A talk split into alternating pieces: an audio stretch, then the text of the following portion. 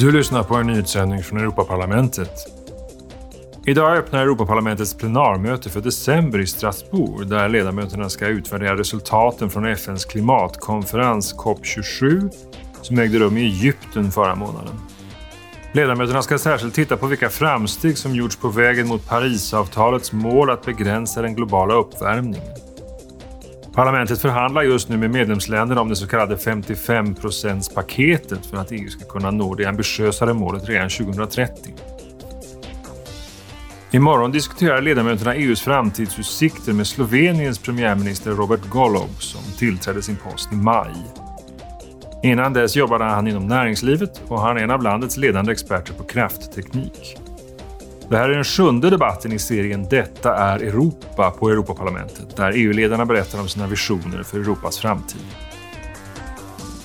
Imorgon ska parlamentarikerna också bedöma utsikterna för en tvåstatslösning för Israel och Palestina i en debatt med EU-kommissionen. Skälet till debatten är oron över den farliga upptrappningen av våldet i Israel och de ockuperade palestinska territorierna.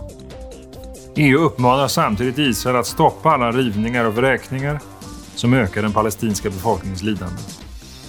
Du har lyssnat på en nyhetssändning från Europaparlamentet.